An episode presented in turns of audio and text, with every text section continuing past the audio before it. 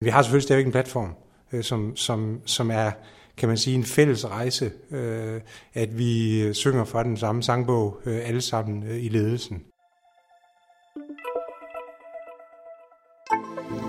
Du lytter til et CFL-podcast, der denne gang handler om strategi. Et strategisk beredskab er forudsætningen for, at en ledelse kan kalde sig en strategisk ledelse. Et strategisk beredskab er det grundlag, der gør, at organisationen kan navigere gennem skiftende markedsvilkår. Og netop i disse år, hvor markedskompleksiteten eskalerer og accelererer, er det endnu vigtigere end nogensinde at have en tilpasningsdygtig strategi. Det kan du høre de to topledere diskutere lige om lidt. Der kan i visse situationer opnå stor enighed blandt ledere om, at det er umuligt at øh, arbejde med strategi, fordi verden bevæger sig hurtigt, og derfor er en strategi øh, forældet i samme øjeblik, at den er blevet nedskrevet. Det er en for let konklusion. Den er fejlagtig, fordi er der noget, der er vigtigt, så er det at kunne arbejde med strategi og, og beredskab i forhold til, hvis man oplever noget, som overrasker, hvis man øh, står i en situation, som er anderledes end det, man troede, så skal man have tænkt nogle forskellige scenarier igen, så at man har et strategisk beredskab, øh, hvis der er nogle ting, der dukker op og er uforudsete. Så det vil sige, evnen til at lave strategisk beredskab, evnen til at kunne lave en strategisk diagnose af den, øh, den, den situation, ens virksomhed er i, er afgørende vigtig, og det at være meget smidig og hurtig til at reagere på det, det forudsætter, at man har arbejdet med, øh, med strategi. Siger Paul Blåbjerg, administrerende direktør i CFL. Han suppleres af CFL's direktør med ansvar for toplederudvikling, Charlotte Pontoppidan. Der mangler simpelthen noget innovation, noget nytænkning, noget vildskab, noget, øh, noget turen og, og gøre noget, der ikke lige ligger inden for de her skarpe budgetrammer siger hun i en kommentar til de to års seneste indikatorundersøgelser fra CFL om strategisk beredskab og rammestyring. Data blev indsamlet i efteråret 14 og efteråret 15, og Charlotte Pontoppidan siger om tallene. Det man tydeligt kan se her, det er, at det er processer som målstyring, effektivisering, optimering og budgetlægning, som fylder meget, når vi taler om at lægge en strategi. Og der er simpelthen blevet skruet op for det. Så øh, kigger vi på målstyring, så er det steget helt fra 57 til 65 procent. Så man er rigtig god til at sætte nogle mål. Men det man bare ikke er så god til, det er at fokusere på, hvordan er det så, vi får de her mål øh, ført ud i praksis. Er lederne overhovedet klædt på til det her? Har de den kompetenceudvikling, de har behov for, for rent faktisk at få de her ting til at ske? Og der kan jeg bare se, at tallene ligger øh, stille ned på de der 34-35 procent i forhold til at prioritere, hvordan får vi den her strategi ført ud i, i, i livet og, og fokus på kompetenceudvikling ligger så lavt her. En anden ting hæfter Charlotte Pontoppidan sig også ved. Hun betegner faktisk tendensen som alarmerende. Hvad er det egentlig for nogle kilder, vi henter inspiration til i strategiarbejde? Så er det også stadigvæk virksomhed i egen branche, det personlige netværk, det kunder og leverandører. Det er jo ganske fint. Det er bare ikke nok. Og det er også det, jeg oplever, når jeg er ude og tale med topledere og erfarne ledere, det er, at vi sparer, vi effektiviserer, vi skal nå de kortsigtede mål, men vi prioriterer simpelthen ikke at komme ud i den store verden og tale med nogen, vi ikke har talt med før, og få nogle vinkler, som vi ikke vidste, vi havde behov for. Siger altså Charlotte Pontoppidan, direktør med ansvar for toplederudvikling i CFL. Og hermed er ballet åbnet til en debat om strategi anno 2016. I panelet hører du Claus Klein Ibsen, jeg er landeschef for Soprasteria, som er et IT-konsulentfirma. Kim Nielsen fra Canon Danmark, administrerende direktør. Du har som leder arbejdet meget med både din personlige udvikling som leder og virksomhedens udvikling. Alt sammen i et overordnet forretningsmæssigt perspektiv, så din virksomhed konstant er bedst muligt rustet til at møde både interne og eksterne udfordringer. Du ser dit lederskab som et strategisk fyrtårn, som hele virksomheden kan pejle efter – men på medarbejdersiden og i ledergruppen fornemmer du langt mindre engagement for at komme i mål med jeres strategi. Og det frustrerer dig, fordi du selv lægger så meget energi i projektet. Hvad gør du?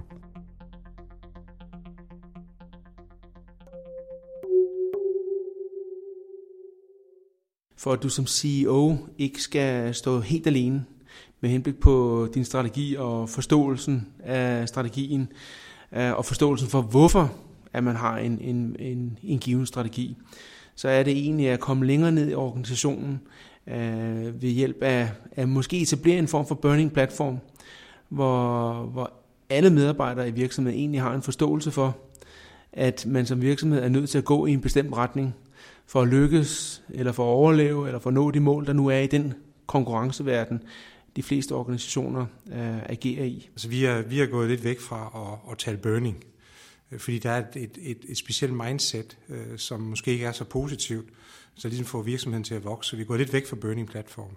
Men vi har selvfølgelig stadigvæk en platform, øh, som, som, som er kan man sige, en fælles rejse, øh, at vi synger fra den samme sangbog øh, alle sammen øh, i ledelsen. Og så har vi gjort noget specielt i Canon, hvor vi har vendt øh, pyramiderne om. Altså, vi gjorde det for to, to år siden, at vi øh, bruger medarbejderne, nedsætter medarbejdergrupper øh, omkring de store, vigtige strategiske øh, øh, emner. Øh, og bare for at nævne tre, øh, gjorde vi det på det, der hed øh, retning, altså retning for virksomheden, øh, og fik et input fra en medarbejdergruppe der. Vi gjorde det på innovation. Hvordan bliver vi bedre til at øh, innovere, altså til at lave løsninger, eller konklusionen var at lave løsninger med kunder. Øh, og så det sidste område på øh, reward and recognition. Øh, så der har vi simpelthen øh, suget ting op øh, øh, nedefra i organisationen, og så taget det til efterretning i ledelsen og fået det eksekveret. Så sikrer du medarbejderinvolvering fra starten af. Plus at du øh, også erkender, at du som topledelse måske ikke har alle svarene, øh, så du bruger virksomhedens ressourcer til ligesom at få de rigtige svar. Og mange gange så lykkes vi med det, altså øh, at, at bruge, bruge, bruge medarbejderne på den måde. Jeg vil også sige, altså omkring strategi, altså der kan være en overordnet strategi, men der er også delelementer af en strategi.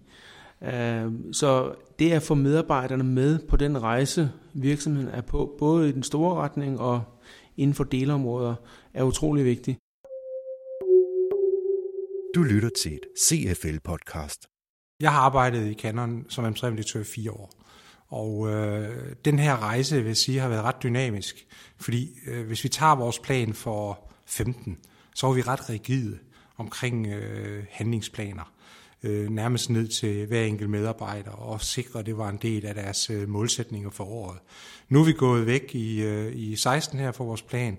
Har vi netop lavet nogle mere løse rammer, fordi at markedet derude udvikler sig, øh, kundernes behov udvikler sig, og så altså, skal du passe på at ikke have for faste rigider rammer for din strategiplan. strategiplan. Det skal nærmest være mere sådan vejledende, øh, så du kan, kan, kan tilpasse øh, hurtigt, hvis der er brug for det. Jamen, man kan sige, altså, jeg repræsenterer jo så en IT-konsulentvirksomhed, og, og der er det en lidt anden situation. Altså, de øh, medarbejdere, vi ansætter som IT-konsulenter, de er, er jo meget selvkørende. Altså, de er jo netop ude og hjælpe kunderne. Så man kan sige, der, der er det en forventning.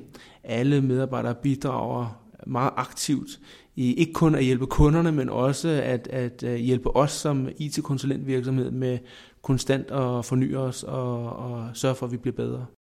I dilemmaet optræder også en vis frustration over at skulle trække det store læs. Er det noget, I genkender? Hvis man som leder bliver frustreret over, at man skal trække øh, for meget af læsset, så tror jeg, at man som leder gør noget galt.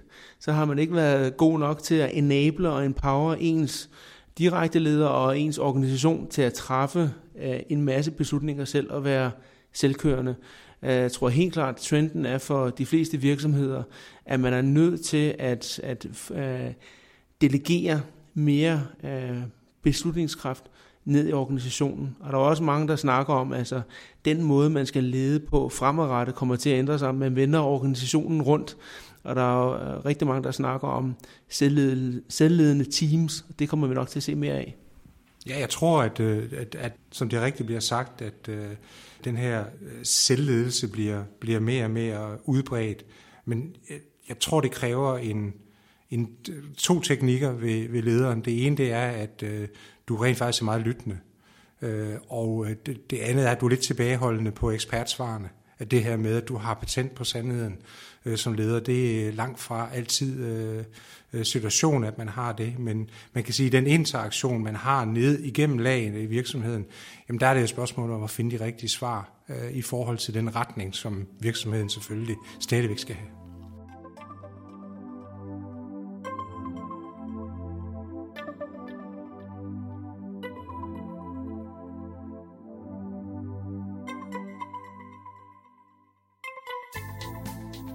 Strategi Hvordan håndterer man det i en markedskontekst, der dagligt bærer overskrifter som kompleksitet og disruption?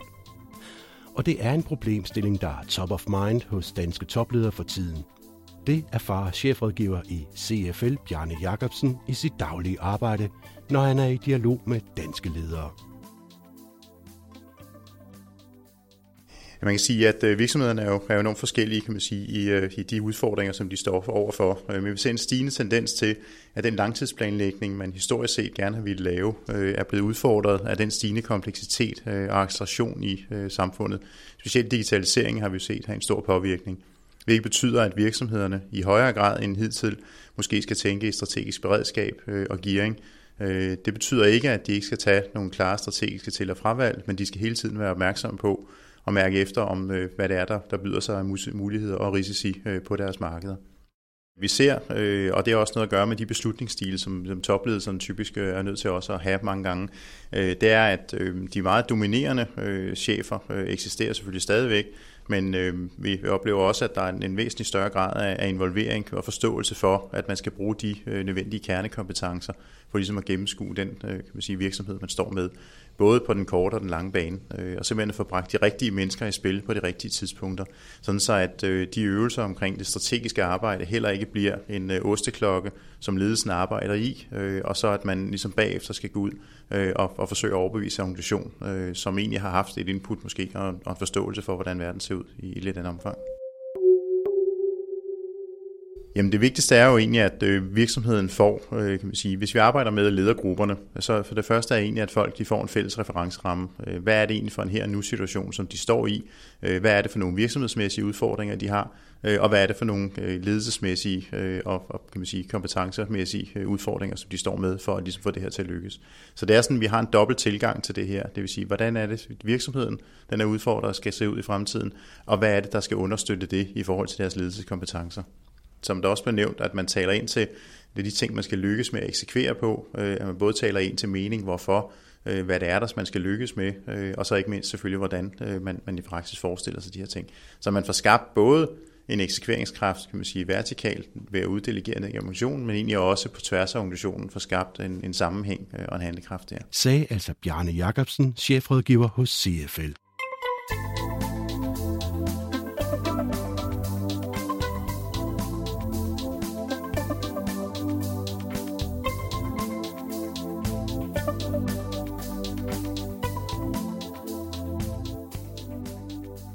Podcastet var tilrettelagt og produceret af journalisterne Søren Prehn og Mette Reinhardt Jacobsen på Genhør.